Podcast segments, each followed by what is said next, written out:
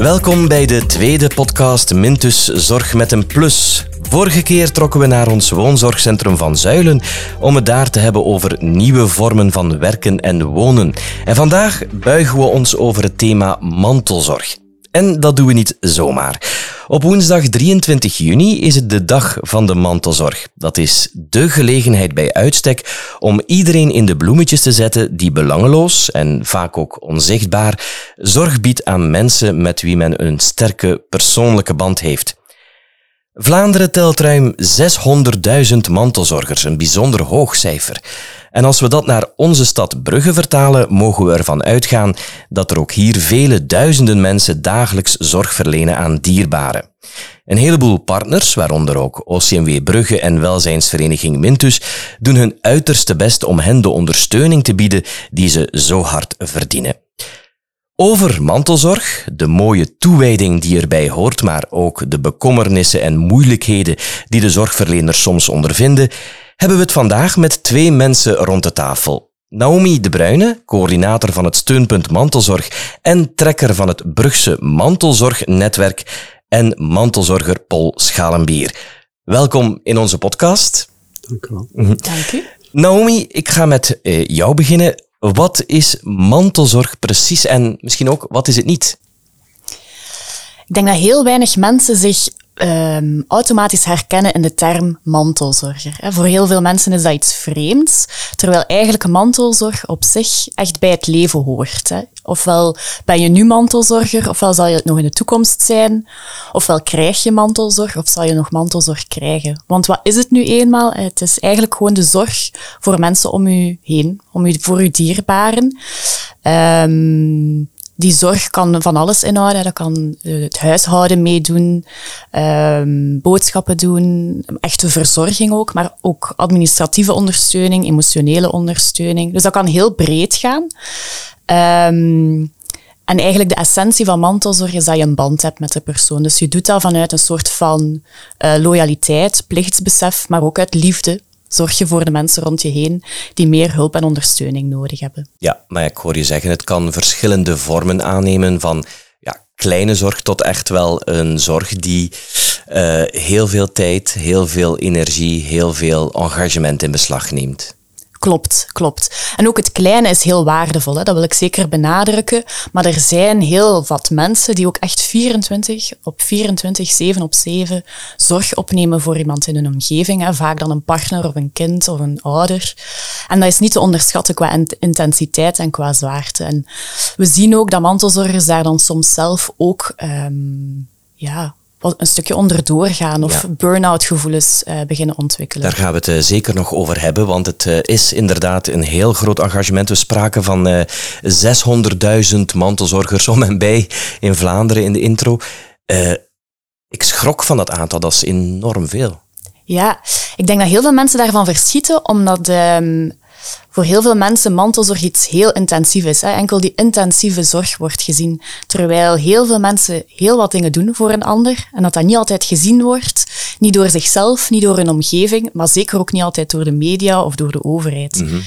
Ehm, dus het blijft heel vaak wel iets onzichtbaar. Ja, stel ook even um, bij het begin van dit gesprek het Brugse mantelzorgnetwerk voor. Wat, wat is dat precies en wat doet dat precies? Wel, het netwerk um, is een initiatief on, onder andere van de Stad Brugge om eigenlijk alle ondersteuning die er voor mantelzorgers bestaat in het Brugse samen te brengen um, en beter op elkaar af te stemmen. Dus eigenlijk is het een initiatief met verschillende organisaties, onder andere Mintus, eh, OCMW Brugge, Stadsbrugge, maar evengoed ook de mantelzorgorganisaties. Denk aan Liever Thuis LM, Coponcho, mijn organisatie Steunpunt Mantelzorg, Okra Zorgrecht, Ons zorgnetwerk, maar ook Similes um, en familiehulp uh, nemen deel aan het netwerk. Elk vanuit hun eigen expertise, hun eigen bezigheden. Klopt. En dit is eigenlijk de, de aanvulling of de complementariteit van al die partners die het netwerk eigenlijk heel mooi maakt, denk ik. Is het netwerk er gekomen om versplintering van allerlei initiatieven tegen te gaan, om um, mantelzorgers te ondersteunen? Klopt, inderdaad. We willen graag een complementair, coherent aanbod geven aan de Brugse mantelzorger. We zijn nog een relatief nieuw netwerk, dus we zijn nog in volle ontwikkeling. Dus ik ga zeker niet zeggen dat we um, er al helemaal staan, maar uh, ik denk dat we wel al de eerste stappen hebben gezet om dat complementaire aanbod echt wel uit te bouwen. Oké. Ik ga even naar de mantelzorger rond de tafel, hè, Paul, Paul Schallenbier. Um, stelt u zichzelf misschien even, even voor? Ik ben dus Paul Schallenbier. Ik heb een dubbel verhaal rond mantelzorg. Um, in eerste instantie gaat het over de zorg die we, en ik uh, gebruik bewust het woordje we, want dan gaat het wel over uh, iedereen in onze familie, de broers en de zussen. We zijn met acht, dus uh, we hadden wel wat volk rond, rond papa. Maar ehm, toen hij wat ouder geworden is, um, leek het heel moeilijk voor hemzelf om zichzelf te beredderen. Mm -hmm. We hebben dat wat steun gekregen, uh, ongewild, bij een hospitalisatie. En is uh, papa dan eigenlijk, die heel graag thuis wou blijven, die eigenlijk dacht van, ik ga nooit mijn huis verlaten. Uh, bij de ziekenhuisopname was de voorwaarde van de geriater om terug te keren naar huis, dat er heel wat zorg ja. werd geïnstalleerd. Jullie hebben niet getwijfeld dan om die Wij zorg hebben, op jullie te nemen? Wij hebben geen moment getwijfeld om het te organiseren, om het georganiseerd te krijgen. Ja. Ik denk dat, uh, ik vind het toch belangrijk dat er twee uh, principes daarin uh, behouden werden, namelijk dat ons vader betrokken werd mm -hmm. in heel het proces, ja. dat hij ook een inspraak bleef hebben. Die eerste stap was met niet zoveel inspraak natuurlijk. Als een geriater aan jou zegt van, meneer Schallenbier, u kunt naar huis, uh, op voorwaarde dat, dan heb je niet zoveel keuze natuurlijk. Ja, ja. Maar we zijn dan ook wel heel sterk geholpen door de maatschappelijk werkster van het ziekenhuis, die zowel onszelf als ons vader een beetje de weg heeft getoond naar wat kan er allemaal, wat is er goed voor jou. En zo is het eigenlijk gegroeid. Waardoor uw vader er misschien ook vrede mee kreeg van ik zit nu in deze situatie en ik moet mij ja. Ja, laten verzorgen, want dat is voor niemand een makkelijke stap. Nee, dat, is een, eh, dat blijkt een heel moeilijke, en dat bleek ook bij hem een heel moeilijke stap te zijn. Mm -hmm. Zo van, uh, in het Brugs gezet, er moet niemand in mijn kot komen. Ja, ja, ja. Uh, ik ben thuis wel baas. Ja. Uh, maar als je dan de juiste mensen over de vloer krijgt, die hem baas laten zijn, heb ik het gevoel gehad dat hij zich daar heel hard naartoe richtte. Dat hij eigenlijk heel blij was dat die, dat die mensen er allemaal kwamen. Hoe heeft die zorg vorm gekregen? Wat moesten jullie zelf doen? Wat moesten jullie zelf op jullie nemen en waarvoor konden jullie terecht op, op bepaalde diensten? Um, wij hebben, en vooral mijn jongste broer heeft ervoor kunnen zorgen dat hij zich niet eenzaam moest voelen.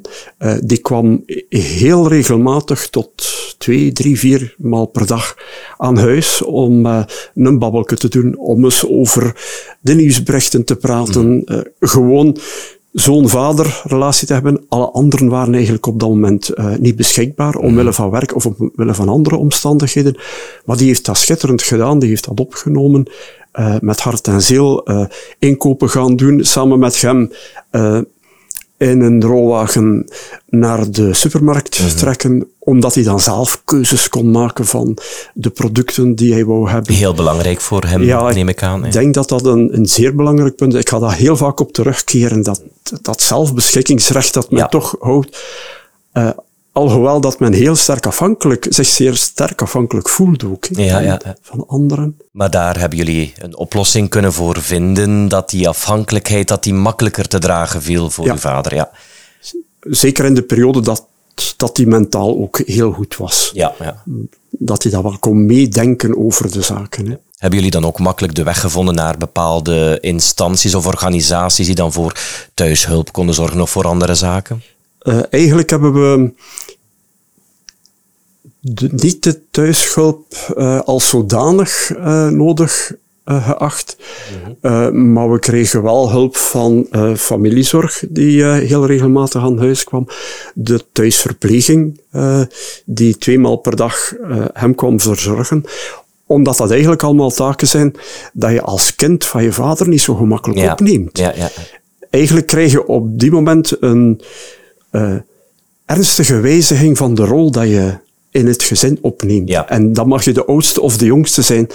Ehm, dat maakt niet uit. Dan ga je eigenlijk, als je niet oplet, je boven je vader gaan zetten. En ga je voor hem gaan bepalen wat Ja, dat ja. er moet gebeuren. En dat is zeker een aandachtspunt. En eh, hebben jullie op een bepaald moment dat gevoel gehad dat dat moeilijk was, die balans? Dat je soms eens zou kunnen doorgeslagen hebben naar een omgekeerde relatie? Ja, Ja. Ehm, het is zeker iets dat wat stress bezorgt, eh, waar je heel hard moet op letten, eh, waar je elkaar heel vaak moet over aanspreken, eh, als broers en zussen, van ja, als hij dan een, een nieuwe trui nodig heeft, ja, probeer dan eens bij hem te polsen wat, wat hij dan wil, wat zijn, wat zijn zijn wensen.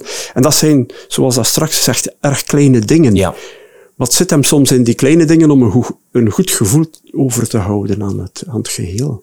Paul, jij en je broer, hebben jullie er ook maar een seconde aan getwijfeld om die rol van mantelzorger op jullie te nemen? Nee. Nee, Nee. Dat, eh, dat was vanzelfsprekend. ja, dat doe je. Dat doe je gewoon. Ja. Daar denk je niet over na van, ja, eh, heb ik daar tijd voor? Ja, de ene heeft, de ene heeft ook meer tijd dan de andere, Mhm. maar nee, we hebben nooit getwijfeld. Ik denk wat ook heel sterk is aan jullie verhaal, is dat je het echt als familie hebt aangepakt. Hè? Dus je hebt eigenlijk gekeken wie kan er wat doen, wie kan er wat doen in, eh, in het geheel en zo de zorg voor uw, uw vader eigenlijk goed kunnen vormgeven. Ja, is dat een dat herkenbaar verhaal? Eh, wel, ik bedoel, iedereen heeft natuurlijk zijn eigen verhaal, hè, maar de grote lijnen, Naomi, is dat iets wat, ja, wat bekend in, in de oren klinkt? Ik denk eigenlijk dat dat voor mij het, ideale is. Eigenlijk, Ja. Als je de zorg kan delen over verschillende mensen in je familie, maar ook hè, met professionele beroepskrachten, ehm, dan is dat eigenlijk het ideale. Eh, niet iedereen kan rekenen op dat ideale. Ja. Niet iedereen heeft een grote familie waar dat de taken kunnen verdeeld worden. En dat zijn soms wel risicogevallen of gevallen waar dat we van denken, oei, daar staat die draagkracht van die Ja. mantelzorger die het meeste dan op zich neemt, misschien wel onder druk.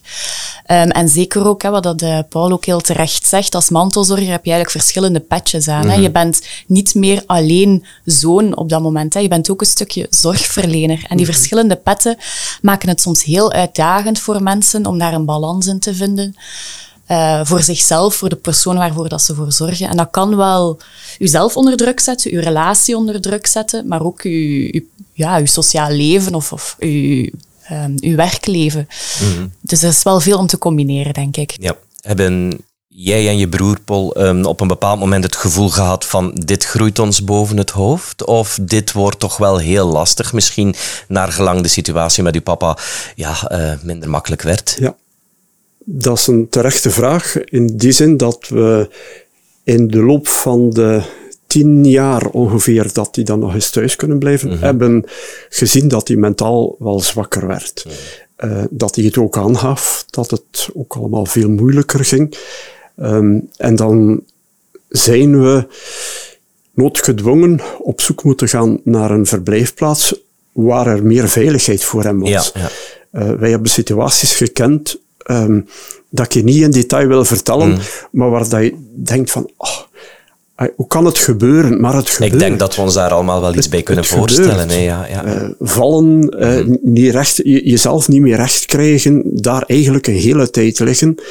Ehm, ja. ja, moeilijke zaken waarbij dan, dat je dan uiteindelijk dan toch het bespreekbaar moet maken om eh, te kijken voor een andere oplossing. En hoe was dat? Hoe ging dat? Lastig. Ja, ja. Dat was moeilijk. ehm, maar het feit dat hij uiteindelijk wel heeft ehm, bij eh, eigenlijk een beetje toeval ehm, de oplossing heeft kunnen krijgen waar dat hij zelf ging voor kiezen. Oké. Dat was toch ons gedacht. Eh, het- woonzorgcentrum, eh, wij wonen in Sint-Kruis, ofwel was het Van Zuilen, ofwel was het de potterie.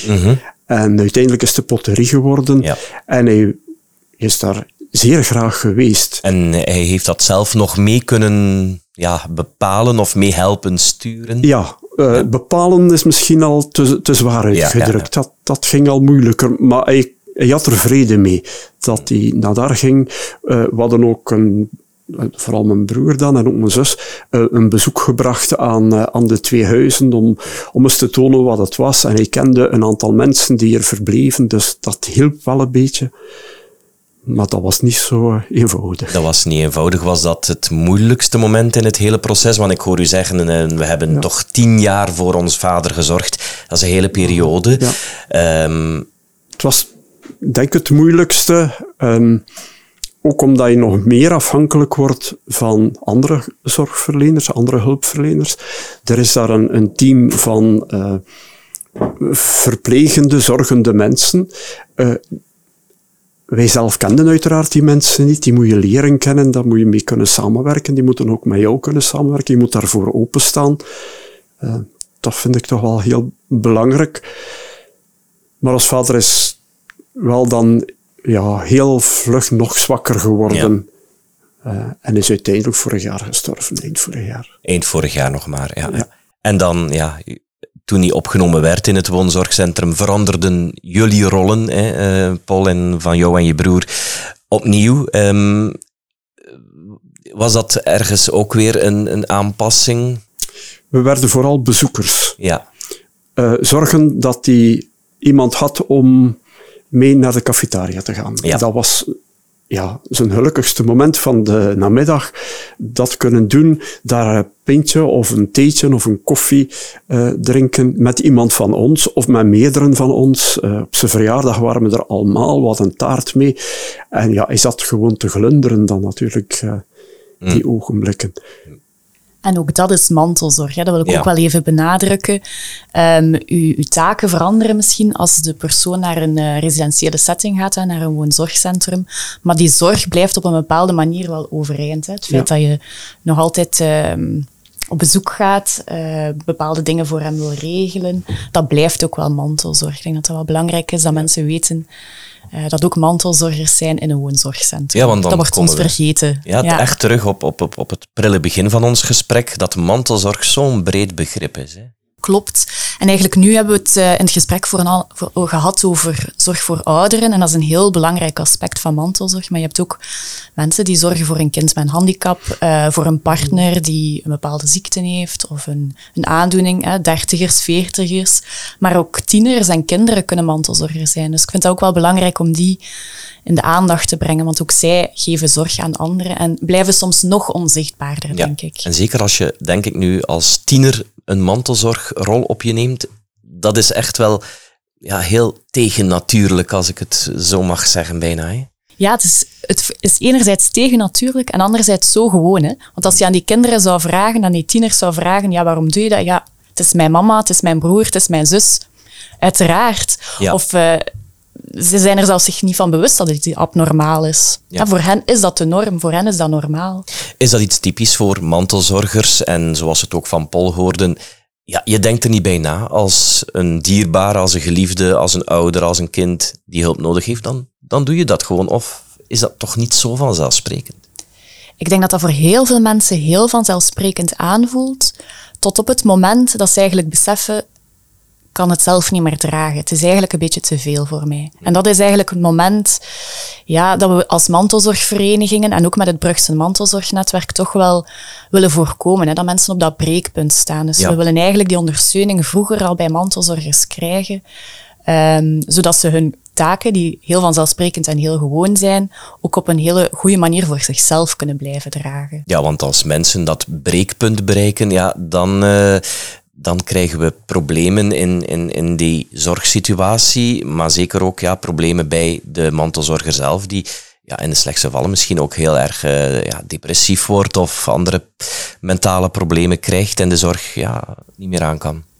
Klopt. Ik denk um, iets dat heel veel mantelzorgers ons zeggen is van wat als ik er niet meer ben? Mm -hmm. Stel dat ik wegval, wie gaat dan die zorg opnemen voor mijn partner, mijn kind, mijn ouder? Um, zeker ja, ouders van kinderen met een handicap zitten heel erg, ja, heel hun leven lang eigenlijk met die bezorgdheid in hun hoofd. Hè. Um, wat als ik er niet meer ben, gaat er dan iemand voor hen kunnen zorgen? Ja. Paul, wat heb jij ervaren als de grootste ja, bekommernissen, de grootste problemen, grootste zorgen bij jezelf en misschien ook bij je broer als mantelzorger voor je, voor je papa?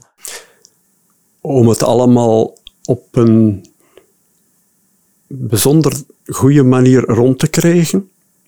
Um, en met een goede manier kom ik weer terug op dat zelfbeschikkingsrecht, mogen, dat, dat die er ook inspraak in had.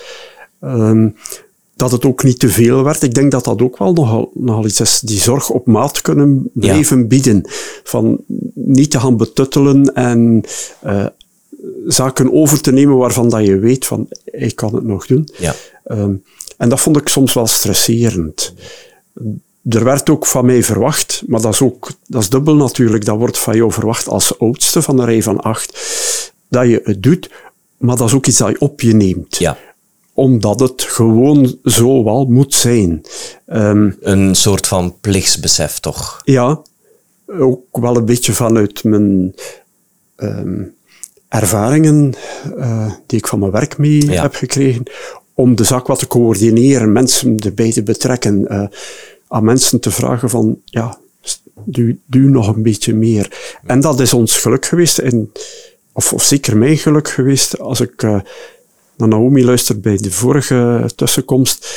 Wij zijn met acht. Mhm. ik, we konden het wel wat verdelen op het moment dat, het, dat ik dacht van nee. Ja, want we hebben het over jou en je broer, hè, uh, ja. maar, maar je, ja, het netwerk was groter. Hè? Ja, ik heb twee zussen en, vijf broers. Dus uh, iedereen kon naar godsvrucht en vermogen, zoals dat we dat zeggen, uh, kon ik, daar kon ik wel op rekenen. Okay. En dat verdeelde een beetje die druk. Ja. Je bent nog altijd, in zekere zin, niet in zekere zin, in, in de strikte zin van het woord, mantelzorger voor je jongste zus. Ja, ik heb een, de jongste zus is een zus met vrij ernstige mentale beperkingen, mm -hmm. die, ik zou bijna zeggen, gelukkig, zowel voor haar als voor mij, uh, in een residentiële setting hulpverlening krijgt. bij Oranje in Zedelgem ja. is dat. En ja, als ik zeg gelukkig, ik heb het gevoel dat ze zich daar heel goed voelt. Met de mogelijkheden dat ze heeft. Dat ze de mensen heel graag ziet, maar dat is ook wel omgekeerd. Ik, ik merk ook dat dat een, de terugwerking ook wel kent van ze wordt er geaccepteerd zoals dat ze is. Ja. Mijn taak daar is, is eigenlijk een beetje vanuit het uh, notariële zorgvolmacht dat ik heb gekregen, van te gaan uh, ja, zorgen, maar dan niet heel concreet, niet, niet dagdagelijks, uh, maar zorgen voor haar. Uh, dat gaat ook van bezoekjes tot administratie, uh, de financiën regelen. Een heel heikel punt en een heel stresserend punt, de verslaggeving naar alle diverse instanties die zich met uh, mensen met een handicap, ja, ja. Uh, die daarbij betrokken zijn. Ik heb dit dit jaar al drie gelijkaardige verslagen gemaakt, e, gemaakt sorry, over wie mijn zus is, hoe ze functioneert, voor uh, de FOT, voor het RISIF, voor het VAPH. Voor de duizend en één instanties ja. hetzelfde verhaal moeten vertellen. Ja. We kunnen ons die administratieve rompslomp, denk ik, heel goed voorstellen, ja.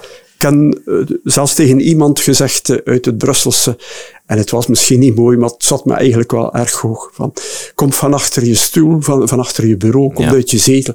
Kom dus met haar praten, dan ga je zien wie dat Martin is. Ja. Dan ga je mijn zus leren kennen. Het is geen dossier, het is een mens. Ja. En dat is ook mantelzorg. En ik, ik, ik, merk dat je het daar soms misschien zelfs nu moeilijker mee ja, hebt dan ja, de zorg die je voor je vader... Uh, omdat op, dat, het... op dat vlak heel zeker. Ja, ja. Naomi, ja, ja, ook dat is mantelzorg. En ik hoor uh, bij Paul toch die frustratie ook van, uh, ja, uh, zeker als het heel administratief wordt, dat, dat men soms zich aan hun lot overgelaten voelt. En ik denk dat heel veel mantelzorgers dat echt wel herkennen. Hè. Dus ze zien soms het bos door de bomen niet meer en alle administratie, alle rechten die je misschien wel hebt, maar waarvoor dat je heel veel papieren moet invullen om dat recht dan uiteindelijk te krijgen. Um, dat is misschien ook meteen een pleidooi aan, uh, aan de overheden ja. boven ons om dat wat eenvoudiger te maken.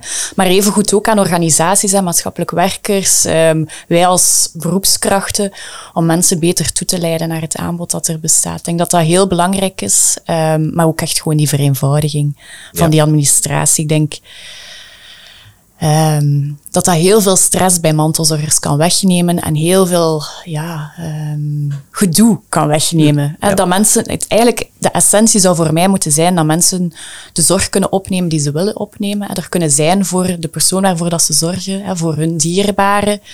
Die menselijkheid, dat is wat mantelzorgers zouden moeten kunnen doen. Maar vaak verliezen ze zich in uh, hopen papier en uh, heel veel geregel. En dat is gewoon jammer, denk ik. Dat kan anders.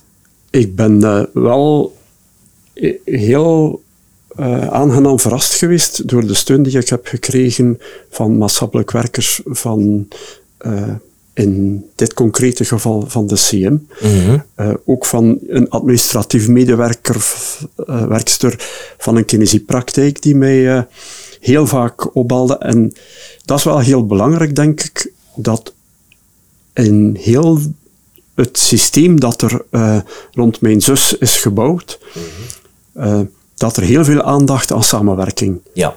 uh, wordt gegeven. Zowel van de begeleiding van het tehuis, als van de mensen die mijn zus ook kennen, die ook weten waar ze het moeilijk mee heeft. En ik denk dan aan de huisarts, ik denk dat, ja, die mij dan toch wel, ik kan niet zeggen wekelijks, maar toch heel regelmatig opbelt wanneer dat hij op bezoek is geweest. Ja, ja. En, ja. en dat, dat helpt wel. Samenwerking. En dat is dan de essentie van het Brugse mantelzorgnetwerk waar we het al uh, over hadden. Um, maar op welke manier proberen jullie heel concreet uh, mantelzorgers zoals Paul en zijn ja, duizenden, uh, duizenden andere mensen die het doen, hoe proberen jullie hen concreet te helpen? Ja, um, we doen dat in eerste instantie natuurlijk vanuit onze sterktes en onze ja, uh, organisatiemogelijkheden. Um, en in eerste instantie is dat mantelzorgers samenbrengen. Um, dat is een stukje, waarom doen we dat? Dat verbinden, dat ontmoeten, omdat we weten dat mensen daar iets aan hebben. Als je hoort van een ander, ah, jij, jij bent daar ook op gebotst. Dat kan herkenbaarheid geven, maar dat kan ook steun geven. En dat kan ook, um, je kunt ook tips van elkaar krijgen. Soms kan een andere mantelzorger een mantelzorger nog beter helpen mm-hmm. dan dat, dat, dat, je dat kan als beroepskracht. Ja, ja. Dus dat verbinden vinden we heel belangrijk. En dat doen jullie op verschillende manieren? Ja, dus wij... Um, pre-corona organiseerden wij activiteiten in het Brugse. Um, activiteiten, dan bedoel ik, hè, dat noemt dan een mantelzorgcafé of een mm. praatgroep. Ja. Dus um, waar dat we mantelzorgers samenbrachten rond een thema. Hè, bijvoorbeeld tegemoetkomingen en premies. Hè, waar heb je recht op? Uh, hoe kan je mantelzorg en werk combineren? Um, welke juridische begrippen bestaan er allemaal? Uh, zorgvolmachten, bewindvoering, uh, dat soort zaken. Dat zijn allemaal belangrijke zaken om te weten. Ja. Dus over dat soort thema's brachten wij dan mensen samen met een stukje taart en uh, een tasje koffie. Ja.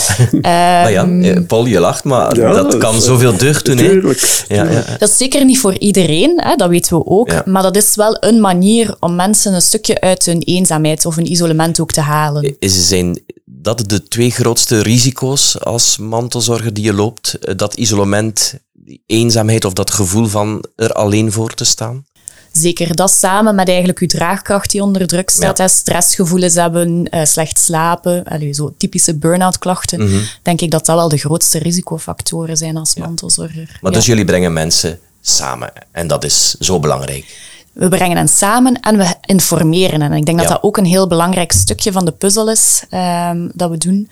En dan nog een extra puzzelstukje is het eh, waarderen en erkennen van mantelzorgers. Heel Mhm. vaak eh, zien we nog dat die plek van mantelzorgers toch nog ontbreekt. Hè. En als we praten over de zorg, ehm, praten we heel vaak niet over mantelzorgers. We hebben Ja. in corona nog maar eens gezien. Ehm, dat is heel jammer, want zij nemen wel volgens studies bijna 80% van de zorg op zich voor chronische zorg. Dus dat is eigenlijk wel een veel, is- heel groot eh, stuk. Ja, inderdaad. En, en inderdaad, het blijft onder de radar te veel. Hè? Ja, mensen verschieten daar ook elke keer Ja. van als ik dat cijfer zeg. Terwijl mij verbaast dat niet als ik naar Paul zijn verhaal luister. En dan denk ik dat er heel veel bij die familie ligt. En er ligt zeker een heel belangrijk deel bij die be- beroepskrachten. Een niet te onderschatten deel, Ja, voor alle ja. duidelijkheid. Hè. Ze zijn heel essentieel. Maar dat is maar een kleiner stukje eigenlijk van het volledige plaatje. En het is het netwerk van zowel die mantelzorgers als ook vrijwilligers, burenhulp en die professionele zorg die het sterk maakt. Ja. Paul, had jij eh, nood aan ontmoeting met andere mantelzorgers? Uh, heb jij daar ooit een beroep op gedaan? Of, uh... Ik heb dat niet gedaan en ik denk dat dat, als ik daar nu bij stilsta, te maken heeft met het feit dat wij een grote familie zijn. Ja. Wij, en dat is misschien iets wat ons vader niet bewust heeft gedaan. Maar we zijn wel heel veel beginnen praten sinds dat ons vader ziek is geworden. Ja. Uh, dagelijks telefoon naar, naar één van de broers of zussen. Uh, ja, om wat steun te krijgen, om wat feedback te krijgen over zaken waar ze zeggen van, ja, ik ga daar toch moeten iets mee doen. Wat denk jij daarvan? Mm. Maar ik, her, ik, herken zeker wel de, ja, de vraag als je er alleen voor staat. Ja om uh, bij andere mensen te komen. Als je dan ziet naar hoe weinig erkenning dat je krijgt, uh, ik denk dan aan het voorbeeld van de overheid. Uh, het notarieel vol, zorgvolmacht is niet het is gekend bij naam, maar voor de fameuze vragenlijsten dat ik moest invullen, moest ik aanduiden wie ik was, daar stond daar nergens tussen. Ja. En ja, ik ben geen, hoe noemen ze het, bewindvoerder. Ene dienst zegt dan van, ja, duid bewindvoerder aan, dan krijg je de week later een, een brief terug van, hij is geen bewindvoerder. Ja. Zodat je zegt, ja, wie ben ik dan wel? Zie je dan niet wat ik doe? Niet dat ik daar dus op de markt sta en vraag van, kijk naar mij. Ja. Maar... Uh, ja, het blijft op hetzelfde punt uh, terugkeren. Te weinig erkenning voor de mantelzorger. Terwijl ik denk dan dat die in de toekomst, dat de mantelzorgers nog belangrijker zullen worden in heel de ja, uh, visie en strategie om mensen toch langer thuis te houden, of zo lang mogelijk thuis te laten houden. Um, ja, zal mantelzorg nog prominentere plaats innemen in de maatschappij? Um, ik vind dat een dubbele vraag. Ik denk enerzijds, we hebben altijd gezorgd voor elkaar. Ja. Dat, is, dat is eigenlijk een continue doorheen heel onze geschiedenis, denk ik. Um, wordt dat belangrijker? Ik denk dat het meer aandacht zal krijgen. En ik hoop dat ook de ondersteuning die de voorbije jaren, decennia uh, ontbrak, dat die er nu zal komen. Tegelijk moeten we ook zien dat er demografische evoluties zijn in ons land. De bevolking wordt ouder. Uh, ouder worden wil niet noodzakelijk zeggen dat je zorgbehoevend wordt, maar ja, in heel veel gevallen wel.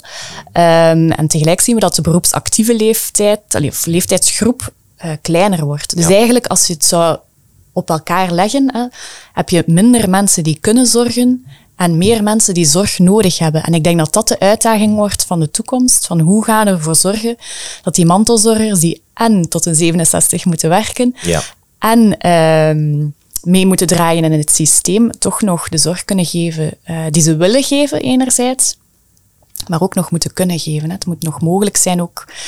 Um, en ik denk dat dat een stukje een uitdaging is voor de toekomst, hè, hoe dat we dat gaan vormgeven. Um, dat is geen evident hoofdstuk, maar ik hoop wel dat door die aandacht, hè, dat het wel mogelijk uh, zal zijn de ondersteuning die jullie via het netwerk bieden, of die in het algemeen geboden wordt, die zal ook ja, sowieso nog veel belangrijker worden in de toekomst, merk ik. Ik denk dat wel, ja. Dus uh, we zijn blij dat we gestart zijn met dat hoofdstuk. Uh, ik denk dat we in Brugge nog andere initiatieven moeten uitwerken. Hè. We zijn nu de eerste stapjes aan het zetten. Um, ik denk dat dat alleen nog maar moet uitbreiden, uh, die, die steun en die erkenning. We zijn daar wel ambitieus in, dus het komt goed, denk ik. Op 23 juni is er de dag van de mantelzorg. We doen toch verwoede pogingen eh, om uh, die onzichtbare inzet het hele jaar door toch eens onder de aandacht te brengen. Hoe, hoe bekijk jij dat, Paul? Hoe, hoe, hoe, ja, hoe schat jij dat in, die dag van de mantelzorg? Ik denk, uh, volgend op wat Naomi zei, mantelzorg is belangrijk, zal belangrijk blijven. Um, het zit wat onder de radar, dus die dag kan maar helpen, denk ik, om uh, um, geen individueel gezegd. Dat, ik denk dat geen enkele mantelzorger uh, staat te wachten op uh, individuele herkenning. Mhm. Niet erkenning, maar herkenning. Ja. Maar dat dan meer gaat over de groep van mensen die zich uh, inzetten om anderen een beter leven te geven, een volwaardig leven. Dat is mooi. Naomi, Ja, hetzelfde naar jou toe. Ja, uiteraard vanuit het steunpunt mantelzorg en vanuit de samenwerking hier in het mantelzorgnetwerk. Ja, die dag is voor jullie heel belangrijk. Dat is een beetje onze hoogdag, hè, bij wijze van spreken. Ja, ja, ja. Dat is een heel belangrijke dag. Hè. Ehm, die erkenning en die waardering willen we echt op die dag eh, in de picture zetten. Hè. Zoveel mogelijk onder de aandacht brengen. Ik kan ook wat toelichten hoe dat we dat doen dan in Brugge. Mhm, maar ik wil er toch zeker. bij aanstippen ook nog, die ene dag is heel belangrijk. Ehm, maar die continue erkenning vind ik des te Ja, belangrijker. want En- het is niet de bedoeling dat op 24 juni de mantelzorger weer in de anonimiteit eh, Nee. verdwijnt. Hè. Ja. En soms is dat dan wel een beetje. Hè. Er is dan even, even media-aandacht. ehm, Ja. De politiek komt dan even ehm, op de proppen. Maar we willen wel continu poli- politieke aandacht, continu maatschappelijke aandacht voor wat de mantelzorgers doen. Ja. En je, eh, je zei het al, eh, in Brugge doen we het op een bijzondere manier, toch wel een beetje. Eh, leg eens uit. Wel, ehm, we hebben gevraagd aan zowel mantelzorgers als mensen die mantelzorg een warm hart toedragen, om gedichten te schrijven over mantelzorg. En die gaan we uithangen ehm, in de Brugse binnenstad. Eh, op affiches. Eh, dus die gedichten ga je dus kunnen bewonderen. En we gaan ook een wandeling daaraan koppelen. Dus je zal een parcours kunnen volgen om de verschillende gedichten te kunnen lezen. Ja. Eh, waar dat we heel blij mee zijn. Ik denk dat dat een hele mooie manier is om inderdaad die groep onder de aandacht te brengen, zonder individuen herkenbaarheid te geven, maar eigenlijk de hele groep van Brugse mantelzorgers ja.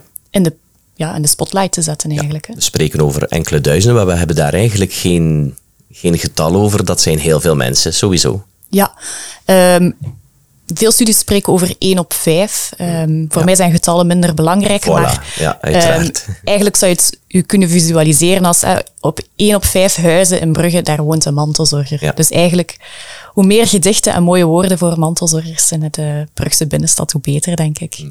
Paul, zit er een eh, poëet in jou verscholen die eh, eh, iets wil op papier zetten rond de mantelzorg en hoe jij dat hebt beleefd? Ik ben niet echt iemand die poëtisch aangelegd is, maar ik, zou, ik wil het wel eens proberen. Ja, je weet nooit. hè. Ja, dus dat, Nee, maar als je nu dat zelf... lijkt mij wel een heel mooi initiatief. Ja, dat is het. Hè. Dat is een heel mooi initiatief. Beter- Mooie woorden voor mantelzorgers. Hè. Klopt, mooie Beter, woorden. beter dan de bloemen op 23 die verwelkt zijn op 24. Voilà. Inderdaad. Daar de woorden op. blijven, eh, blijven bestaan. Ze zullen ook allemaal gecapteerd worden, nog belangrijk, op de website van Stad Brugge. Dus je kan ze allemaal ook daar nalezen. Paul, de slotvraag is voor jou. Als je nu terugkijkt op die tien jaar mantelzorg voor je papa, op de mantelzorg die je, die je geeft aan je, aan je jongste zus, haal je daar of heb je daar toch op een bepaalde manier ook een soort van, het is een, het is een vreemd woord misschien hoor, maar voldoening uitgehaald? Ik denk dat het niet zo'n vreemd woord is, want uiteindelijk, als je die vraag stelde, dacht ik van, het gaat over voldoening. Het, het gaat ook wel een stuk over voldoening. Dat is zo die, die, ja, dat dubbel gevoel, die wederkerigheid van, ja, ik vind dat ik dat gewoon moet doen, maar ik krijg ook wel een stuk voldoening dat ik het doe, dat het gebeurt. Ja. En doe ik het dan niet zelf, dat ik dat wel kan zorgen dat iemand het opneemt. Is dat eh, een bezoek, is dat een activiteit meedoen eh, met de zus bijvoorbeeld? Eh, ja, dat goed. Ik hoef dat niet altijd per se zelf te doen. We zijn met genoeg om het te doen, maar dat brengt als geheel wel voldoening. Ja, heel zeker. Ik denk dat dat een hele mooie afsluiter is. Ehm, ik wil jullie van harte bedanken voor Jouw getuigenis. Naomi, voor jouw uitleg en ja, jouw engagement ook voor de mantelzorgers. En ik hoop dat we massaal die gedichtenwandeling in de stad Brugge gaan afleggen om eh, ja, de mantelzorgers de aandacht te schenken die ze duidelijk eh, verdienen. Hè. Absoluut. Graag gedaan. Zet dus woensdag 23 juni, de dag van de mantelzorg, zeker in je agenda. Dan start ook de mantelzorg gedichtenwandeling waarover we het al hadden en waarmee we Brugge met zoveel mogelijk mooie woorden voor de mantelzorger willen vullen. Gewone Bruggelingen, maar ook Brugse woordkunstenaars gingen op de uitnodiging in om gedichten te schrijven over wat mantelzorg precies voor hen betekent. Die gedichten worden dus opgehangen in de Brugse binnenstad en zijn van 23 juni tot en met 7 juli in een wandelparcours te bewonderen op de ramen van de vele partners van het Brugs Mantelzorgnetwerk. De wandeling is 5 kilometer lang, maar kan je uitbreiden met extra wandellussen en dus nog meer gedichten. Een routebeschrijving kan je vanaf 21 juni ophalen in de Mintus buurtcentra, in de plaatselijke bibliotheek, bij de toeristische dienst en in het Huis van de Bruggeling. Heb je na deze podcast nog vragen over mantelzorg en de ondersteuning die in Brugge geboden wordt? Neem dan zeker eens contact op met een van de Brugse buurtcentra. Surf naar dienstencentra-brugge.be, stuur een mail naar dienstencentra.mintus.be of bel 050 32 78 95. Bedankt voor het luisteren naar deze aflevering van Mintus Zorg met een Plus en graag tot de volgende keer.